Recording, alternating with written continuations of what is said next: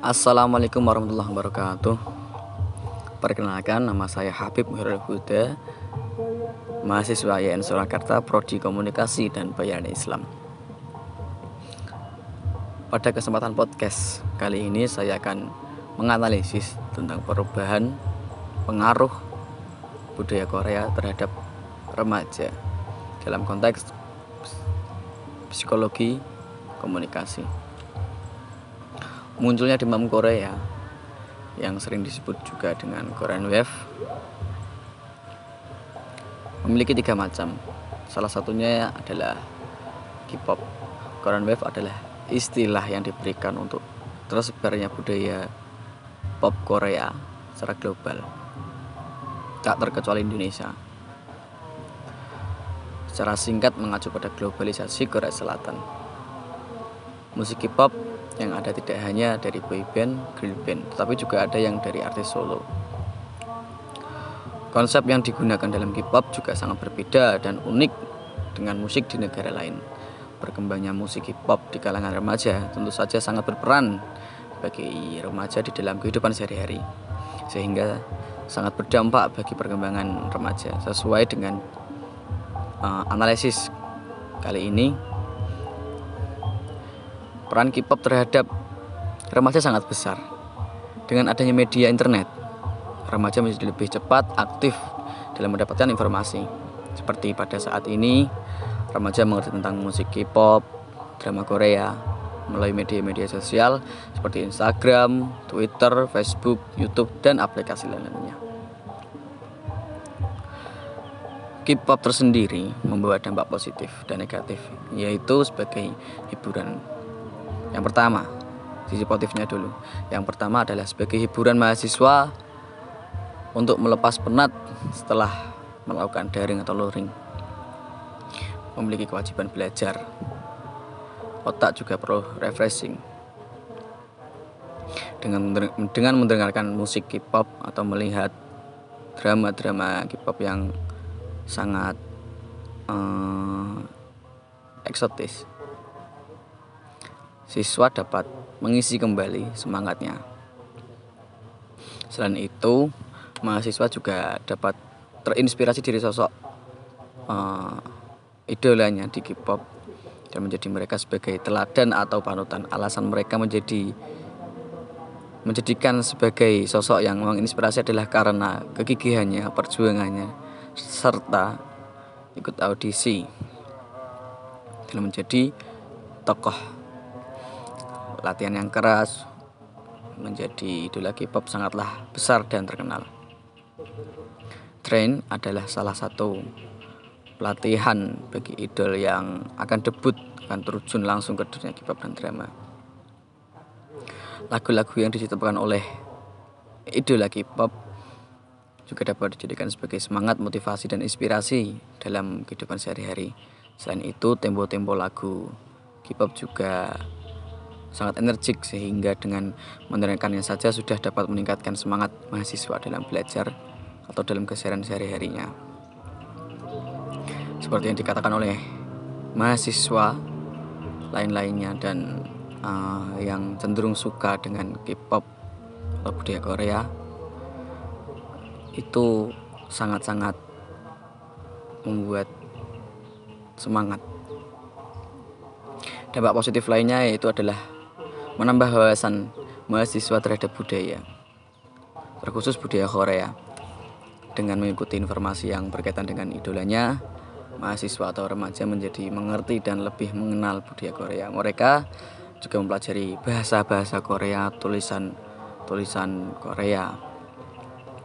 Mahasiswa sering menonton talk show dan menampilkan idolanya walaupun mereka menggunakan bahasa Korea yang tidak dimengerti oleh siswa sehingga mahasiswa terdorong mempelajari bahasa mereka agar paham apa yang dibicarakan di dalam mereka tersebut. Mahasiswa juga mulai menerapkan dan menggunakan bahasa Korea dalam kehidupan sehari-hari. Contohnya seperti uh, anyong, halo yang artinya adalah le, baik artinya sarang atau mencintai kamu adalah sarang hio. Dengan adanya K-pop mahasiswa menjadi kurang tertarik dengan eh, budaya-budaya uh, lokal.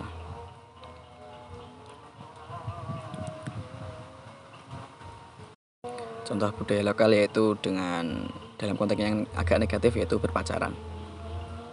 Karena mereka menganggap pacar mereka atau uh, idola itu bisa bisa dilakukan dengan halusinasi. Menurut penggemar K-pop mampu dijadikan sebagai pengalih perhatian saat sedang patah hati dan galau saat sedang bad mood, saat sedang PMS atau sedang uh, tidak mood lah. Sisi positifnya, sisi positifnya kembali adalah dengan adanya K-pop, mahasiswa dapat menambah teman, relasi dari berbagai daerah, bahkan luar negeri melalui komunitas, grup, dan teman di akun media sosial lainnya, yaitu yang frame atau uh, satu idola dengan dia. Contohnya seperti BTS, EXO, dan lain-lain. Mahasiswa juga menjadi paham bagaimana harus harus menghindari bullying karena dia terlalu fanatik dengan budaya-budaya Korea. Belakangan ini banyak idola K-pop yang mengakhiri hidupnya dengan bunuh diri akibat bullying dari haters. Saya jadi tahu bagaimana susahnya menjadi public, fig public figure dan tidak semua orang itu bisa menjadi public figure. Jika tidak kuat menjadi public figure ya mungkin psikologinya terkena serangan dari haters-haters dan membuat dia depresi, down, bahkan sampai dia bunuh diri. Karena sikap rasa ingin tahu yang kuat, mahasiswa juga sering mencari tahu tentang biasa, kebiasaan sehari-harinya dalam segi apa pun. Contohnya seperti keluarga, data dirinya, jadwal konser, jadwal jadwal dia liburan,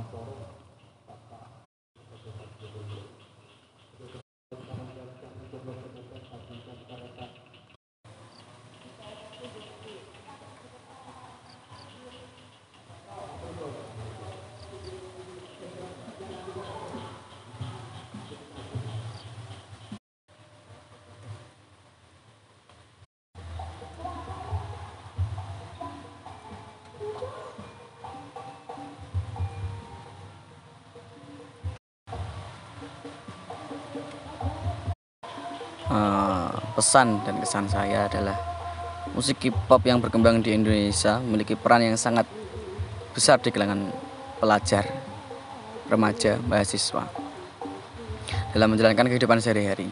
K-pop membawa perubahan di masyarakat terkhusus bagi kalangan remaja umur 20 sampai 30 tahun. Seperti perubahan pola pikir, tingkah laku, dan masih banyak lagi perubahan-perubahan lainnya dari perubahan itu ada dampak positif dan negatifnya. Tapi jangan lupa kita selalu evaluasi dari dampak negatifnya.